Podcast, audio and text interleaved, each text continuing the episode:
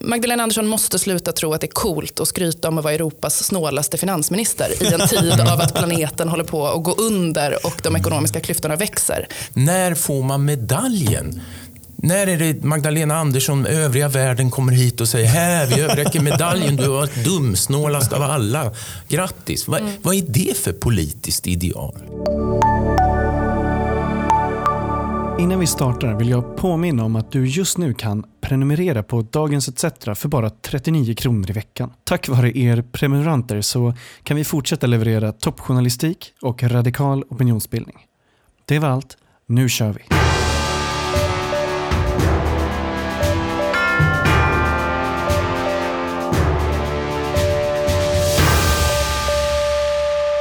Hej och välkomna till ett nytt avsnitt av Tyckpressen. Tyckpressen är Dagens ETCs ledarpodd där vi pratar om eh, aktuella grejer, vad som är bra och dåligt. Vi pratar ofta om bra politik istället för dålig politik. Och vi gör det tillsammans med inbjudna gäster. Eh, idag har jag med mig eh, Johan Ehrenberg, eh, ETCs grundare. Hej och välkommen. Tack, tack. Och jag har också eh, äran att få ha med Linn Svansbo, vice ordförande för Reformisterna. Hej! Hej! Hur är läget? Det är eh, bra. Jag känner mig lite, lite nervös mm. över att prata eh, regeringsbudget, men eh, laddad. Ja, men mm. jätte, jättebra. Ja, men precis. För att ämnet idag har jag valt att kalla bära, brista, budget. Och vi ska då såklart prata om budgeten. Innan vi drar igång med mina frågor rakt av så har jag en liten förfråga. 2018 så beskrevs budgeten som historisk av tjänstemännen på regeringskansliet. 2019 sa Finansdepartementet i Dagens Industri att det var en historisk budget med historiska satsningar. Och 2020, även då, blev budgeten full med historiska satsningar, sa man i SVT. Och 2021, 2021 presenterar Magdalena Andersson en historisk budgetproposition med nytt reformutrymme. Eh, är eh, budgeten historisk? Vad säger du Linn? Eh, nu igen. alltså jag, jag tycker eh, eh, jag tycker kanske ändå det. Eh, men kanske inte ur det perspektivet som regeringskansliets tjänstemän vill att jag ska tycka att den är historisk. Vad tycker du Johan? Ja, men den är ju alltid historisk och det, det är den. För det är ny varje år. Så att då blir det historiskt. Mm. Men sen är ju den här budgeten är ju intressant för, att, för vad, allt som inte händer i budgeten. Och det är väl historiskt, att så lite händer. Just det. Det är, alltså, jag, det är verkligen kul med den här, eh, jag förstår inte riktigt hur man tänker att kommunikationspotentialen i hur en budget eh, är historisk eller inte liksom lever, lever kvar. Men, men det är sant, den är det på olika sätt. Det, vär, det värsta är att man alltid presenterar budgetar med att vi satsar. Och i själva verket är det väldigt ofta nedskärningar. Det är inte satsningar när man räknar på det ekonomiskt. Men vad fan ska man säga? Då måste man ju säga satsning.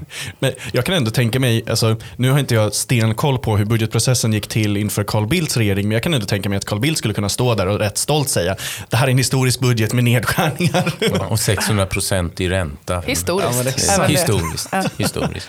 Ehm, den här budgeten är eh, massor av personer som tycker till om. Ja, det är allt ifrån IOGT-NTO som tycker att det är för låg höjning av alkoholskatt rätten. Eh, det är eh, studenter som tycker till om den här eh, och som säger att det är otillräckligt ur ett studentperspektiv. Det är klimataktivister som säger att det är långt ifrån det som egentligen behövs. Om ingen egentligen verkar tycka om den här budgeten, vem är den då till för? Vad säger du Johan? Den är till för att man ska kunna säga att man gör satsningar och att man hela tiden kan rikta sig mot olika grupper och säga titta, vi ser er, vi lyssnar på er. Och sen att alla är missnöjda beror ju på att man bygger en budget på den idiotiska idén. Att man just ska hålla på och för, bli sedd i olika sammanhang. Då måste du säga att det här var inte tillräckligt. Eh, det, det, är aldrig så att någon grupp någonsin har gått ut och sagt att Nej, men det här är för mycket till de arbetslösa. Vi vill inte ha det här. Utan jo, Moderaterna. Allt, ja, men det är för att de inte vill... Det är för att de hatar arbetslösa, Johan. Ja, precis. Okay, ja. Så att det är inte inget konstigt att du gör på det här sättet. Vad skulle du säga Linn, vem är, vem är budgeten egentligen till för om ingen gillar den? Nej, men jag tänker att man får skilja på eh, ett, ett partis parlamentariska uppdrag i att få igenom eh, sina politiska idéer och idéburna organisationers special... Eller det, här, det är en så otroligt sossig grej att säga kan jag tänka mig. Men det är liksom en, ett ideal jag har fått förlika mig med i mina ambitioner att, att vara politiker i det här landet. Att, att förstå att som eh, som politisk företrädare i parlamentet så behöver man eh, få igenom sina idéer på, på en bredare front. Just nu alldeles för bred front, givet det parlamentariska läget tycker jag. Eh, men det är ju inte meningen att varken liksom, den feministiska rörelsen ska vara 100% eh, nöjd eller nykterhetsrörelsen ska vara 100% nöjd eller den migrationspolitiska rörelsen. Eller, jag tror att det får man liksom det får man förlika sig med om man är finansminister. Hur nöjd jag som reformist än du, skulle vilja ha varit. Liksom. Du menar att livet är ett enda stor förhandling? Det menar jag. Och varje grej man gör måste man lägga i taktiskt. Vem är socialdemokraten i rummet? Ja. Ja. Men, en, men ännu värre, när man, det blir ju livet är en budgetproposition och det känns som en väldigt ja. tråkigt namn på en platta eller någonting. Är det en, är det en Twitter-bio? Ja, verkligen. Hemskt. Um, men det finns ju några som faktiskt verkar rätt nöjda. Eh, Svenska Dagbladet beskriver den här budgeten eh, som lite speciell också för att de säger att eh, citat, jublande fackförbund banar väg för Magdalena Andersson. Alltså att eh, de som verkar minst kritiska till hur det här eh, verkar ju vara LO. Ja, eh, men det skulle jag vilja påstå är mer partilojalitet, en, en ekonomisk analys utav vad innebär den här olika budgetposterna mm. för just våra medlemmar. Och det där är ju lite obehagligt, för då, då blir det ju ett spel i spelet ett propagandaspel där man liksom använder budgeten för att säga att det här är bra för er. När man själva verket kan sätta sig ner med samma ekonomer och räkna på det och upptäcka att Nej, men det här var ju inte så lyckat. Kommunalare kommer inte kunna få sina höga löner som vi slåss för med den här typen av budget. Och då blir det ju ja, det, det blir ett spel som gör den goda krafterna svagare när man ger sig in i det här sättet att diskutera. Men jag, jag, tror också att, att vi är många socialdemokrater som är positivt överraskade helt ärligt. Alltså så här, jag tänker att det, är det, det hade kunnat vara det. det, ja, det, är klart, det är det enda sossar har sagt nu i åtta år. Det, det, blev i alla fall inte sämre. Nej, men, men jag, jag jag är, fakt alltså jag är eh, inte överhuvudtaget nöjd med den här budgeten. Reformutrymmet behöver vara betydligt mycket större. Satsningarna behöver vara offensivare.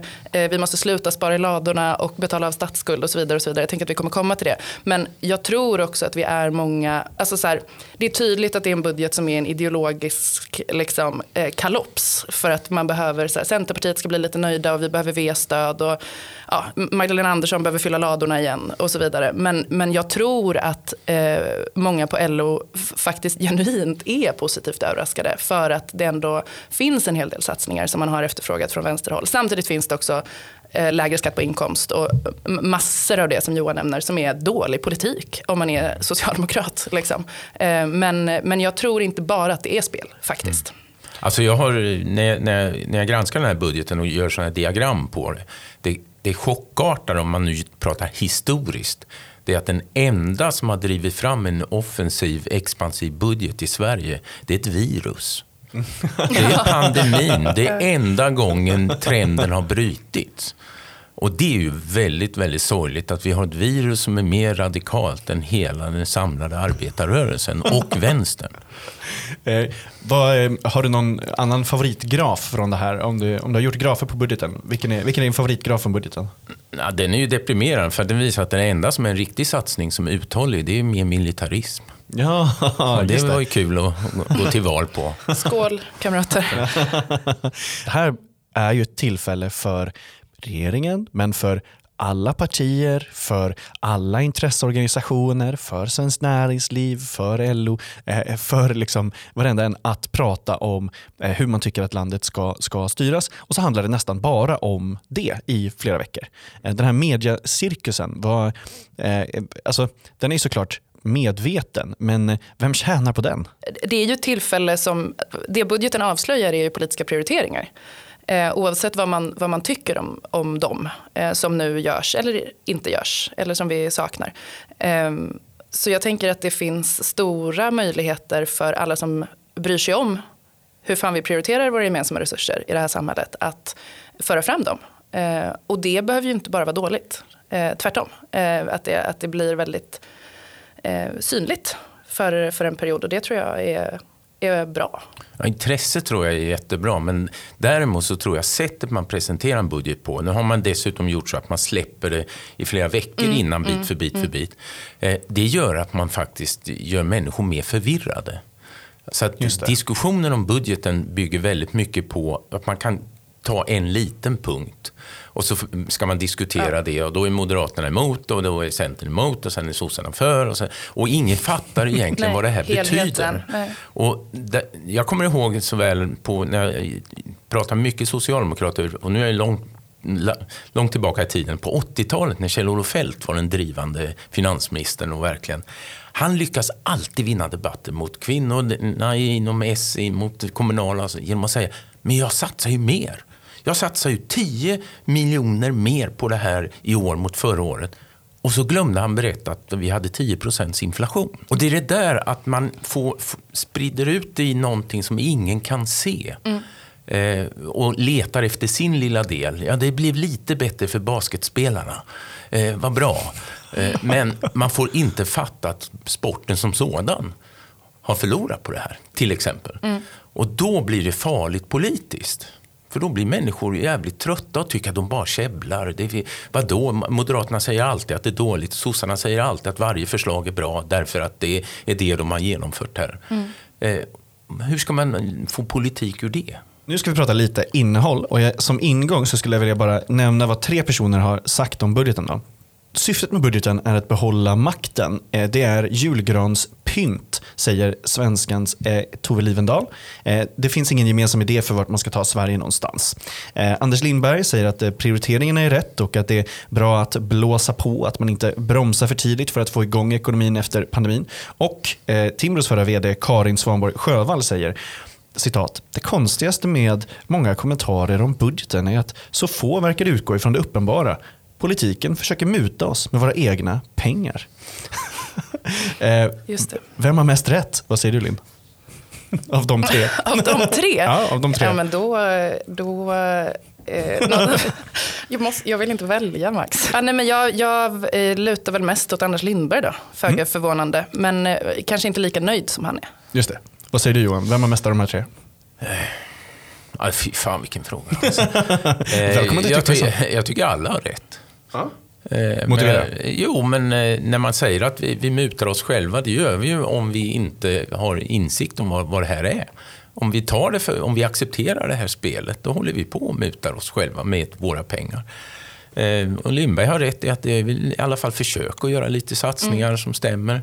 Och eh, svenskan har rätt i att det här är ju inte en politisk inriktning. Nej. För att det här är ju borgerlig politik med S och V som eh, eh, är med. Grindvakter, ja. Ja, vad, vad i all världen är det för riktning? Så att eh, alla vann. Högern säger ju liksom eh, mycket så här, ja, men det, eh, man ska inte överstimulera ekonomin. Just Nej, men det säger de inte. De säger att man ska överstimulera företagandet. Man ska ge Just det. enorma miljarder De till miljarder. dem. Men man ska inte stimulera löntagare. Just det, just det. Just det. Ja, men det är sant, det är en viktig skillnad. Vad skulle du vilja säga liksom är eh, det viktigaste innehållet? Alltså inte nu hur det presenteras, inte nu hur det sätts i kontext, så här för mycket, för lite satsningar. Eh, eh, det viktigaste innehållet som är med eller saknas. Om du skulle vilja säga någonting, Johan, vad skulle du vilja säga då? Problemet är orden som man använder för man säger överskottsmål. Ett överskottsmål innebär att man minskar ekonomin i ett samhälle. Eh, Så att det är ofta motsatsen som gäller. De positiva eh, vinsterna av att eh, göra en budget som går med överskott är i själva verket en förlust om vi har massarbetslöshet. Så hela tiden så blir vi lurade av begreppen som används. Så att det här är en åtstramningsbudget eh, av klassiskt snitt som gör svenska folket mindre starka. Och det ökar den privata konsumtionen rejält och det begränsar och till och med minskar den offentliga konsumtionen, alltså vård, skola och omsorg, får mindre andel av vår ekonomi. Det är, ju, det, är en, det är en jättetydlig trend, men den döljs av ord som gör människor väldigt förvirrade. Vad skulle du säga Linn? Jag menar, ni har eh, i Reformister till och med lagt en egen budget. Vi saknar ju massa progressiva, eh, progressiv skattepolitik. Eh, om man ska liksom om man får säga, säga det som rubrik, det innehåller ju liksom en, en drös skattereformer. Ja, Men vi är inte så stora fans av sänkta skatter för Eh, folk som inte behöver sänkta skatter helt enkelt. Eh, och föreslår ju ett, ett helt liksom, skattepaket själva. Eh, saknar också investeringar som du är inne på Johan. Alltså, det är ju, eh, det, Magdalena Andersson måste sluta tro att det är coolt att skryta om att vara Europas snålaste finansminister i en tid av att planeten håller på att gå under och de ekonomiska klyftorna växer. Det är inte fett. Eh, tvärtom, det behövs. Eh, och det är väl det som är idéerna med investeringar. Alltså, investeringar ska ju göras när investeringar behöver göras. Det är nu folk behöver någonstans att bo. Det är nu vi behöver rädda klimatet. Det är nu vi behöver täta till de ekonomiska klyftorna. Det är nu. Då kan man liksom inte stå och skryta om att man sparar i ladorna. Mm. Det är mm. dumt. Det är dålig politik. Men inte, och jag förstår inte varför. Ja. inte det intressant? Charles Dickens, vad hette han? Scrooge? Eller, Scrooge. Scrooge. Om man skulle säga att jag är världens bästa Scrooge, Exakt. är det verkligen rätt sak att säga idag? Ja, nej. Sen vill jag nämna en sak äh, till, apropå innehållet i budgeten. Att jag, jag tycker att det är anmärkningsvärt att man inte gör mer offensiva arbetsmarknadssatsningar just nu med tanke på arbetslösheten som du nämner mm. Johan och med tanke på, på den kris vi fortfarande befinner oss i. Då tänker jag inte på klimatkrisen utan på, på coronakrisen, pandemin. Um, och man pratar ju, apropå att förvirra med ord, så, så säger man ju från regeringskansliet att man gör historiska satsningar eh, och sådär. Men det är fortsatt privatiserad arbetsförmedling och det är avsaknad av eh, arbetsmarknadsinsatser tycker jag. Och ingen nu, utbildning? In, nej, ingen och nu, satsning på... nu vore det ju, jag tänker att det också finns liksom handlingsutrymme vad gäller, gäller det. Det är mm. otacksamt att vara moderat nu och säga vi vill inte ha liksom, nej, satsningar på, på ar sänkt arbetslöshet. Arbetsgivarna står och ropar efter ny arbetskraft. Vi, mm. måste få, mm. vi måste bygga, vi måste det, vi måste det. Vi får inte ta på folk. Uh, ring Martin Ådahl så han fixar han max, matchningssystem, eller vad då? Uh, och det finns inga sådana satsningar. Det finns ingen jättesatsning på att 100 000 människor ska lära sig in i byggbranschen till exempel, vilket vi behöver. Vilket vi behöver. Ja. Mm. Så det är, det är, det är jättetomt mm. i, i verkligheten. Och sen är det dålig, dålig timing att börja. Alltså jag tycker inte att efter pandemihanteringen eh, bör vara att liksom fortsätta spara i ladorna och betala av på, på statsskulden. Eh, det är, det är märk, märkligt. Om man sparar i lador då kommer råttorna in va? och så äter de upp det här vetet. För det är det som händer när en stat sparar i mm. lador. Så betyder det att pengarna som kunde användas i samhället för investeringar eller för olika saker inte används alls. Exakt, och återigen till syvende och sist är det en fråga om prioriteringar. Vad vill vi eh, ha? Vill vi fortsätta slå rekord i låg statsskuld jämfört med Tyskland, Frankrike, Storbritannien, Danmark, Norge? Varför är det en politisk prioritering att göra när eh, planeten vi bor på eh, går sönder? Statsskulden är ju den fråga som jag har drivit mest sedan 90-talet, mitten av 90-talet när Göran Persson började använda det här begreppet. Eh, statsskuld har alltid varit en lögn. Därför för att få fram en statsskuld, då räknar man de, de lån som staten har, men man räknar inte de finansiella tillgångar som det offentliga har. I själva verket så har vi vi har ingen statsskuld överhuvudtaget. Vi har ett överskott på just nu 1460 miljarder kronor i offentlig sektor. Det är så mycket pengar så att du har ett investeringsutrymme som är större än alla diskussioner. Och de här pengarna finns. Statsskuldsdiskussionen måste bort. Därför, man kan också, Hur får man bort den då? Genom att alla som är vänster, alla som är radikala, alla som är socialdemokrater börjar titta på fakta. Och fakta säger att offentlig sektor har ett överskott på 1460 miljarder. Vad håller ni på att snacka om statsskuld för? Det här är netto. Alltså det, här är ju, det står i statsbudgeten, har i alla år stått i statsbudgeten. Längst ner på sista fotnoten står det. För övrigt har vi ett överskott på mm. Men det finns aldrig med i diskussionen. Och Det är därför man kan diskutera investeringar och allt sånt seriöst på ett helt annat sätt. Och om, om man nu ska skryta om statsskulder och minskning och så, då vill man ju veta när får man medaljen? När är det Magdalena Andersson övriga världen kommer hit och säger här, vi överräcker medaljen, du var dumsnålast av alla. Grattis. Mm. Vad, vad är det för politiskt ideal? Alltså det är ju också då ett spel för att man måste få igenom den här. Du var mm. lite inne på det förut Linn. Mm. Eh, en av de eh, kanske mer, eh, mer, eller mindre begåvade kommentarerna av det här, eh, det, det, var eh, så här, citat då. Sannolikheten att de får igenom budgetpropositionen bedömer jag kanske som 50-50. Det säger eh, Sverigedemokraternas ekonomisk-politiska talesperson Oscar Sjöstedt. Okej. Eh, Så det, för honom är det en eh, det händer eller det händer inte eh, fråga och därför är det två alternativ 50-50. Ja. Eh, det, Men de spelar rätt mycket i det partiet, va? på kasinon och sådana. Exakt. Är det inte så? Jo, men precis. precis. Eh, nej, och jag, jag, jag tyckte att det var en väldigt, väldigt rolig kommentar. Men inför det här då så är det ju liksom två partier som egentligen öppet munhugger mot varandra. Vänsterpartiet säger att Centerpartiet beter sig som ett parti i trotsåldern. Medan eh, Centerpartiernas eh, Martin Ådahl kunde stå i Agenda och liksom, eh, bara eh, egentligen komma med het luft om, om varför de inte vill samarbeta med Vänsterpartiet eller förhandla med Vänsterpartiet överhuvudtaget. Vad kommer hända här då? Kommer, eh, kommer Centerpartiet och Vänsterpartiet att rösta på regeringens budget? Vad säger du Linn? Jag tror att alla eh, ändå förstår att det är fler som förlorar på att budgeten inte går igenom eh, just nu. Ehm, så det är min eh, gissning. Peppar, peppar, ta i trä.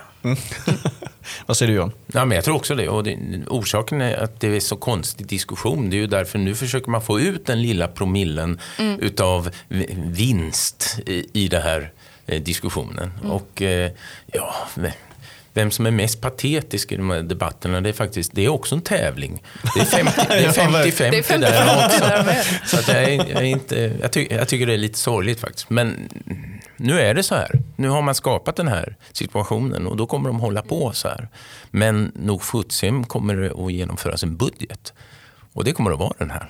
Ja, det tror jag med. Lite kul tycker jag också att så här, hur, hur utspelade Liberalerna är det här. Jag, jag tror inte att jag kan, liksom, jag, tror, jag har nog inte sett det. pyssla Liberalerna. Nej, verkligen. Vi ägnade ju hela förra avsnittet åt det. Det var väldigt, väldigt roligt. Vi pratade i 30 minuter Liberalerna bara Spela för att de, annars får de inget. Ja, men precis. Ja. Men också det här att jag tror inte att jag sett deras kommentar om budgeten ens. Jag vet inte, jag vet inte vart. Det ska var- byggas var- elvägar och där håller jag med dem. Just det. Så, liksom, nej, det är, de är väldigt, väldigt osynliga. Ja, Ja, väldigt men, men liksom då, så här, vem, vem tjänar mest på den här, på den här livdansen av Centerpartiet och, och Vänsterpartiet? Liksom? Eh, alltså för att Vänsterpartiet vill ju gå väldigt hårt ut och så här, de har ju tjänat bra på att liksom, attackera regeringen i vissa frågor. Och så här, jag menar, marknadshyresfrågan var väl det eh, största enskilda lyftet som de har haft på hur, hur länge som helst. Och, eh, jag tycker det är kul att se liksom, Ulla Andersson eh, eh, ut och, och ta fighten mot liksom, Centerpartiet och sådär. Men vad- alltså, tjänar någon av dem på det här om det ändå är så att de bara röstar på regeringens budget? Alltså jag tror att eh, för det första tror jag inte bara, jag, jag tycker inte bara att det är lindans eller spel för gallerierna. Alltså det, är,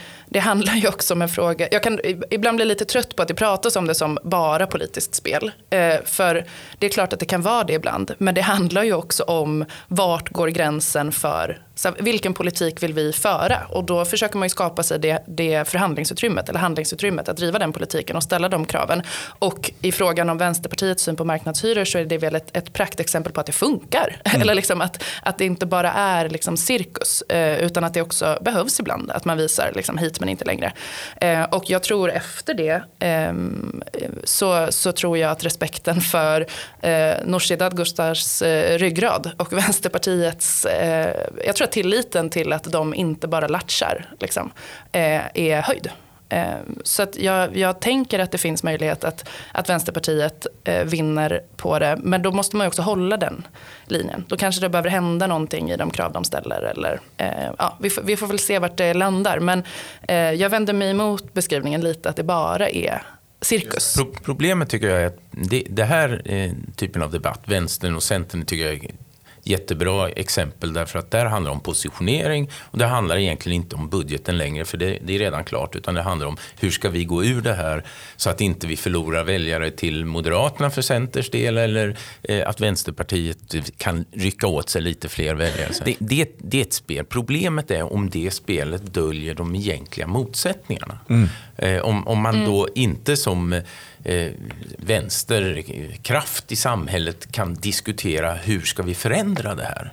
För ingen kan ju som socialist säga att vi är nöjda med det här. Jag menar, reformisterna har, ni har ju en annan syn på budget. Ni har, ni har lagt ett helt annat förslag och ni lägger en helt annan typ av budget. Vilket ju gör att man det, den går ju inte att genomföra med Centern och Moderaternas accepterande. Men den kan ju leda till att man faktiskt får större eh, kraft i samhället. Ja. Man får ett stöd för vi måste ändra synen på ekonomin. Ja. Och då kan man som socialist faktiskt förändra samhället. Ja. Men det andra tycker jag, jag tycker det är ett spel, men det är ett spel som man kan förstå. Eh, därför att vad fan ska de göra på dagarna när, när budgeten är klar? Du måste ju mm, säga Ja, någonting. Men och, och det, det kan ju faktiskt också påverka handlingsutrymmet framåt, som du är inne på eh, nu. Alltså jag är helt övertygad om, jag, jag hörde igår till min stora glädje Thomas Ramberg på, på P1 eh, prata om att det finns liksom, ref, eh, han nämnde inte reformisterna men jag väljer att tolka det som han pratar om oss. Eh, nej men han pratade om att det är liksom så gräsrötter inom partiet som nu tvingar partiledningen vänsteråt. Eh, och det är såklart inte bara reformisterna, det finns gott om liksom vänsterkrafter inom, inom Socialdemokraterna som drar ditåt. Men det är klart att det också påverkar och gör skillnad i vad som händer i samtalen både inom partierna men också mellan partierna och på Twitter och i poddar. Och, alltså så här, det, är ju, det är ju så man, det är så man påverkar politiken. Eh, Och det förändrar ju också eh, Magdalena Anderssons handlingsutrymme. Idag som finansminister, snart antagligen som, som partiordförande och statsminister. Eh, hon agerar ju på dels de politiska beslut som finns idag. Det ska man också komma ihåg. Alltså, Ja, ja, Socialdemokraterna har idag ett kongressbeslut på att vi ska ha balansmål. Ja, exakt. Och Eh, familjeveckan är ju vallöfte från typ två, och, eh, ja, typ förra valet. Ja liksom. men precis, och idag så. styr ju hon, så kan, så kan vi, både du och jag Johan och många med oss vara, vara missnöjda med, med just den politiska prioriteringen. Men just nu gäller ju den från Socialdemokraternas kongress. Förhoppningsvis vinner vi striden på den här kongressen eh, i höst eh, och då har vi inte längre det balansmålet. Eh, men, men jag tycker inte heller att man ska underskatta vad politiskt tryck i diskussioner runt omkring budgeten men också liksom mellan budgetprocesser faktiskt förändrar i, i vad gäller handlingsutrymme att, att dra vänsteråt. Och det tycker jag ändå man, man ser nu i, också i många analyser av budgeten. Att, eh, jag hörde Furtenbach sa, sa också det på P1 att så, ja, men det, är lite, det är lite ideologisk soppa. Liksom. Centern behöver bli nöjd och vänstern behöver bli nöjd. Men det är ändå tyngdpunkt mer åt vänster än vad jag hade förväntat mig. Och att, eh, jag tror inte att det är för inte. Jag tror att det är tack vare Vänsterpartiets markeringar och jag tror att det är mycket tack vare reformisterna internt i Socialdemokraterna men, men många andra krafter i, i Sverige som, som trycker oss däråt. Det, jag håller inte med där. Och det handlar om det här kul. begreppet vänster. Det är självklart att borgarna säger Magdalena är mer vänster Mm. än Löfven. Titta här, Magdalena är mer vänster. Det säger borgarna och det säger företagarna och säger så vidare. Vilket är mycket märkligt eftersom hon är den finansminister som har gett näringslivet mest pengar av alla. Mm. Historiskt. Historiskt. Men eh, då använder socialdemokrater det be- begreppet också. Säga, men hon är lite mer vänster. Därför att då får man ett stöd för att det, det håller på att kantra här. Det håller, alltså en positiv känsla. Eh, de enda som inte säger att hon är vänster är ju Vänsterpartiet. Eh, för att det Jag, kan- säger in, jag tycker inte att, det vill jag vara tydlig Nej, med. nej. Jag tycker inte att hon är vänster. Nej, men jag tänker, vi får lägre skatt nästa år än vad vi hade med Anders Borg som Ja, finansminister. Så att, Aftonbladets ledarsida skriver att hon är mer Ja, vänster och så, vidare, Ja. och så vidare. Men problemet är att, och hon själv kanske då kan prata mer som vänster eh, med, med orden. Men hon lägger en av de mest eh, ska vi säga, nyliberala budgeterna som vi har haft i Sverige. En av de mest åtstramande budgeterna efter den här jättekrisen som pandemin har inneburit. Och det finns ingenting vänster i det. Så att när man säger att eh, Thomas Ramberg och andra säger att hon är lite mer vänster. Ja, det finns en större irritation inom socialdemokratin över att vi inte kommer någonstans. Just det. händer ingenting. jo, men det, det är väl precis Och det, jag eh, eh, jag flyger förstår. efter. Att, Ja, att det skapar ju kanske på sikt det handlingsutrymmet. Att Ja, faktiskt också ja. avkräva den politiken. Men ni kommer aldrig få Magdalena Andersson att vara vänster. inte Nej, inte ens i socialdemokratiska kommunalfackliga Döda inte mitt termer. hopp nu. Märta Stenevi var ute och sa att Centerpartiets krav i de här budgetförhandlingarna Mm. skulle kunna få Miljöpartiet att lämna regeringen. Alltså, det som jag tänkte där, jag tror aldrig de skulle lämna regeringen, men jag tänkte ändå på att om det var så att de i valrörelsen gick till val som opposition, Mm. eller som, liksom, eh, om de faktiskt var ett radikalt klimat, klimatparti ännu mer och, och liksom som egna, då tror jag att de skulle, de skulle kunna göra en jätteintressant valrörelse. Alltså jag kan ju tycka att det är väldigt jobbigt att vara socialdemokrat. Mm. Väldigt ofta. Men fan vad jag är glad att jag inte är miljöpartist. Alltså det verkar vara jobbigare. Ja, men alltså, för jag menar, så här, eh, bara jätte, jättesnabbt, så här, tror, tror ni att någon gång att Miljöpartiet skulle lämna regeringen? Alltså Miljöpartiet är det, är det parti som saknar rörelse. De saknar verkligen en rörelse, för rörelsen har gått åt ett helt annat håll än medan Miljöpartiet är kvar och stampar. Och det gör att Miljöpartiet med risken att åka ur riksdagen faktiskt kan ta ett sånt beslut. Vi måste bli opposition. Vi måste. Nu är det klimatet som gäller, nu är det skogen som gäller. Nu pratar vi mm. inte mer om bet att rädda betongindustrin utan nu pratar vi bara om det här. Så jag, det, är inte, det handlar väldigt mycket om vilken desperation som kommer om man ligger på 3 procent eh, i april i, i, mätningarna. Så att jag, jag är inte, den gamla kartan är borta nu. Mm. Mm. Alltså jag är inte säker på att det vore en dum idé för Miljöpartiet, men jag tror inte de kommer göra det. exakt. Jag tror lite samma sak också, eh, beroende på liksom vilka, ja, jag vet inte, jag, jag, jag, det är svårt att säga. Kanske att några i riksdagsgruppen tycker så, men det känns som att när miljöpartister tycker, alltså när högt uppsatta miljöpartister tycker något till mot partiet, då känns det som att de hoppar av i högre utsträckning mm. än många andra. Mm. Uh, alltså att de jag menar, bildar egna småpartier eller, eller bara liksom, eh, står utanför. Så. Alla går till Greenpeace. Ja, men exakt, de blir exakt. anställda. Alltså jag tycker att det är intressant ur, liksom, eh, om man jämför med många andra länder, alltså Miljöpartiets position i Sverige och att man mm. inte förmår liksom, missförstå mig rätt, kapitalisera på den miljörörelse som ändå pågår. Liksom, eh, omstridd, polariserad, absolut. Mm. Liksom, men som ändå finns. Man kollar valet i Tyskland nu. De gröna går, går, jätte, eh, går bra. Liksom. De unga vill se gröna och, och SPD i, i valet. Norge speciellt för att där har de oljan och det är jävla skit för, mm. för miljörörelsen. Svårt att, och liksom. men, men det är ändå märkligt att vi kommer ur en sommar där Tyskland har regnat bort, skogarna har brunnit upp, temperaturen har stigit och glaciären har smält. Och det enda profilerade gröna parti vi har sjunker som en sten. Mm. Är inte det konstigt? Jo, jo, verkligen. Och där kommer vi då in på sista ämnet egentligen och det är ju klimatet. Eh, här finns det massor, först och främst väldigt, väldigt bra eh, journalistik som går igenom det här såklart på Dagens ETCs hemsida. Som alla borde läsa, massor av bra artiklar. Eh, som ställer upp och pratar om, om klimatbudgeten och, och så. Här så säger ju då, som vi pratade lite om förut, ja klimatorganisationerna och så säger ju att det här inte är, är, är tillräckligt, att man inte gör tillräckligt. Vi har nämnt klimatet. Varför gör man så här när man vet att det går åt skogen? Du nämner Dagens ETC, det är bra, för i, samtidigt som den här podden släpps så har vi en artikel där vi har en alternativ budget baserad bara på klimatfrågan. För det, det, det som gör att klimatfrågan blir så konstig är att alla vet att det krävs investeringar. Och ungefär 3 000 miljarder kronor på tio år skulle ställa om hela klimatet i Sverige. Skulle bli av med biobränslen, skulle ordna eh, transportsystemen. Skulle och så vidare. Men det är jättestora investeringar som behövs. Va? Ja, nu ryser Svenskt Näringsliv när du säger det. Eh, nej, de vill nog gärna få en del av de pengarna. de, de, de, de bryr sig inte alls om det. Däremot ryser den som tror att vi är fattiga och inte har råd. Men i och med att vi har råd och vi är absolut inte ett fattigt land. Vi är ett av världens absolut rikaste länder. Och vi har absolut lättast att finansiera en klimatomställning. Det är bara Norge som är rikare än oss. Och de är, ja, det är Norge. När man, då får vi en klimatdiskussion som blir konkret. Den klimatdiskussion vi har idag, den handlar om små putsningar på saker. Och då kan man vara missnöjd för att skogen får för lite pengar mm. för biologisk mångfald. Ja, men det är inte det vi, det, det, det är viktigt att det ska bli mer pengar där. Men det är viktigt att bevara skogen. Hur hur betalar vi för att man slutar ta ner skogen? Alltså det är de stora greppen här som måste till. Och då får man det här som reformisterna har drivit.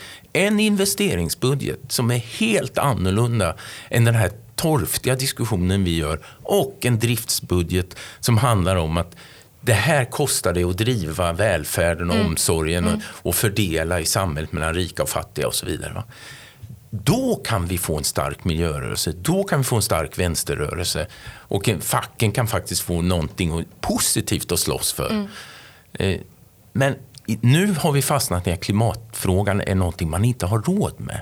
Mm. Mm. Och det, det eller konsumtionsval. Det är, ja, liksom. ja. det är fullständigt absurt. Ja, för jag, jag, skulle säga det apropå konsumtionsval. Jag tror också att ett problem är att miljörörelsen är liksom hijackad eh, på många sätt av politiska krafter som inte befinner sig på en vänster-högerskala ekonomiskt. Alltså där man, där man inte, alltså att, att klimatfrågan har blivit en fråga om liksom bensinskatt eller eh, får vi äta kött eller får vi inte äta kött. Eh, nu ska de minsann ta liksom, eh, min enda semesterresa till Mallis som jag gör en gång i. Alltså, så här, Enda tiden jag är lycklig i mitt liv ska de ta ifrån mig. Ska de ta ifrån mig och att det är, är liksom, eh, eh, eller så här, det finns ett handlingsutrymme för arbetarrörelsen att, att eh, göra det här eh, bra eh, och göra det här med liksom fördelningspolitiskt eh, perspektiv, med, med klassperspektiv, med eh, industripolitisk ingång, med arbe, arbetsmarknadspolitisk ingång och med offensiva investeringar.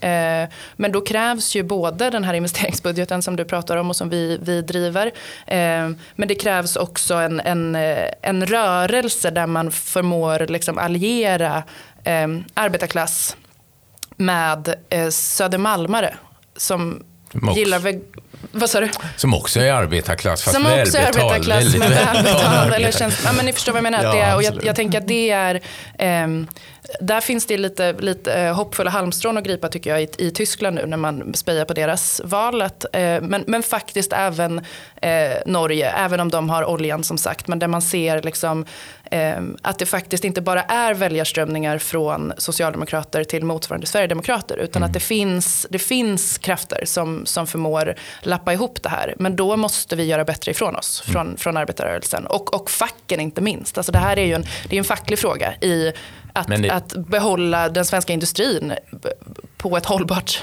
sätt. Alltså det, är ju, det är ju arbetarrörelsen som har förstört klimatdiskussionen för sig själv genom att säga att vi, vi får sämre om vi räddar klimatet. Vi, vi kommer, du får inte äta det du ska, du får inte resa dit du ska och så vidare. och så vidare. Istället ska man ju berätta att till att börja med är det gratis att rädda klimatet. Allt är finansierat och du får ett billigare liv. Det är bättre för dig som löntagare att jobba med hållbara saker utan gifter och annat. Det blir, alltså, det är, hela klimatfrågan är en positiv berättelse egentligen. Men vi har diskuterat den, och framförallt arbetarrörelsen Som och facken, som Ja, ett ja. jätteproblem och ett jätteoffer. Eh, och då blir man ju maktlös. Därför vem fan vill ha det sämre? Utan då hoppas man ju vid någonting som borgarna säger, ny teknik. Ja, ja, just Eh, det. något fantastiskt. Och det finns ny teknik, den är jättebra, jättespännande. Eh, jag skulle, Men den är ju inte fri från marknadslogiken, så det är där problemet kommer. Liksom. Ja, den, den förstörs ju av eh, väldigt Ja, ofta marknaden marknaden. eh, gör ett halvbra jobb kan man säga med rädda planeten. Jag tänker att vi skulle göra ett bättre. Jag tror också det. Eh, den allra sista grejen som jag bara vill säga eh, innan, jag, innan jag också ska tacka er, men det är den här. Vi, det har ju varit snack om en väldigt enskild, liksom, eller en fråga har lyfts ut väldigt mycket ur det här och det är familjeveckan. Eh, så här, det är 3,5 miljard, eh, det är mer, mer tid. Det här är ju mest en symbol för högen kanske. Eller så. Eh, Är familjeveckan liksom super, super viktigt att prata mycket om? Linn, vad säger du? Jag hade hellre sett en generell arbetstidsförkortning, men jag tycker att det är en bra reform. Eh, Det är en, en klassmedveten reform som kommer gynna arbetarklassföräldrar allra, allra mest. Eh, Och jag tycker att Moderaternas reaktion på den, inte minst Elisabeth Svantesson, så här, är det här ni ger till eh, föräldrar vars barn har skjutits ihjäl? Ja, vad fan ger du då? Rutavdrag, rotavdrag och sänkta skatter för de allra rikaste. Tack och, vis- och visitationszoner utanför matbutiken i centrum. Exakt. Så nej, jag tycker att det är en bra reform. Jag tycker att den också är kanske lite så som vi pratade om i början, att man plockar ut liksom russinen och kakan och vad är kontexten och, och sådär. Det kan man diskutera själva eh, vad ska man säga, paketeringen eh, av det i hela budgeten. Men, men jag tycker att det är en bra reform, den är socialdemokratisk och den, den har klassanalys. Jag älskar familjeveckan därför att det är en fälla. Det är ett sätt att lura borgerligheten in i deras dummaste beteende, nämligen att säga att vanliga barnfamiljer ska få det sämre. Vi är emot att ni får det bättre och då kan socialdemokratin vinna den debatten hur enkelt som helst. verkligen. Eh, Så att det, det är så jag ser den. Sen det är en väldigt liten ekonomisk eh, sak. Det är klart att eh, man kan göra mycket, mycket mer. Men man kan inte vara emot det lilla man gör här. Så att, eh, visst, familjevecka. Kör Men vi. framför allt för att Moderaterna faller i den. Det, det är som de ramlar ner i en sån här eh, avloppsbrunn när man säger en sån sak. Och så står de där nere och skriker om något helt annat.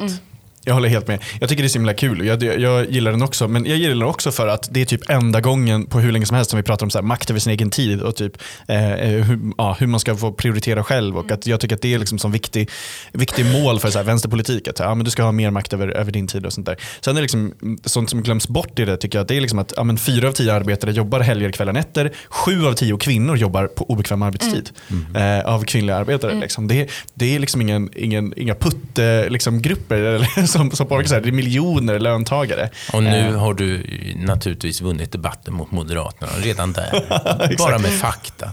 Och det är, liksom, det är bara hur många som jobbar på vissa tider. Jag tycker det är väldigt kul. Eh, det var det eh, faktiskt som jag tänkte att vi ska stanna vid. Eh, jag vill tacka så hemskt mycket eh, för att ni var med, Johan och Linn. Eh, det var väldigt, väldigt roligt att ha med er i tyckpressen. Om det finns någonting som ni skulle vilja tipsa lyssnare om, eh, vad som helst, så brukar jag ge tillfälle. Om ni vill säga någon enskild grej. Eh, Johan, har du något du vill säga till lyssnarna? Om vad som helst? Om vad som helst, kort om vad, precis vad som helst. Läs inte Kallocain. Jättebra. Eh, då tänker jag, om man känner så här, Len Svansbo, kul att lyssna på henne i en podd. Jag har en annan podd. Ja, just det, som också släpps idag. Samma dag som den här podden. Den heter Reformistpodden. Eh, lyssna på den, tycker jag. Det där var jättebra. Toppen. Det var allting för den här gången i Tyckpressen. Um, Får jag förklara det med Kallocain? Ja, du, du, får förklara det. Gör det. Jag har fått flera mejl från tjejer, unga tjejer och killar som, eh, precis som, någon anledning, jag tror det är den här serieboken som är liknande känsla i. som eh, läser den nästan som en eh, vetenskaplig bok och säger att det handlar om eh, vaccin. Det handlar om hur hela samhället nu har... Så det är vax, vaccinmotståndare som Oj. läser denna bok nu med en helt annan Gud vilken intressant läsning. Ja, så att jag blev väldigt trött på de mejlen. Så säger jag, läs inte Kallocain. Och framförallt mejla inte Johan om det. Nej. Nej. Eh, det var allt för den här gången. Ciao! Hej!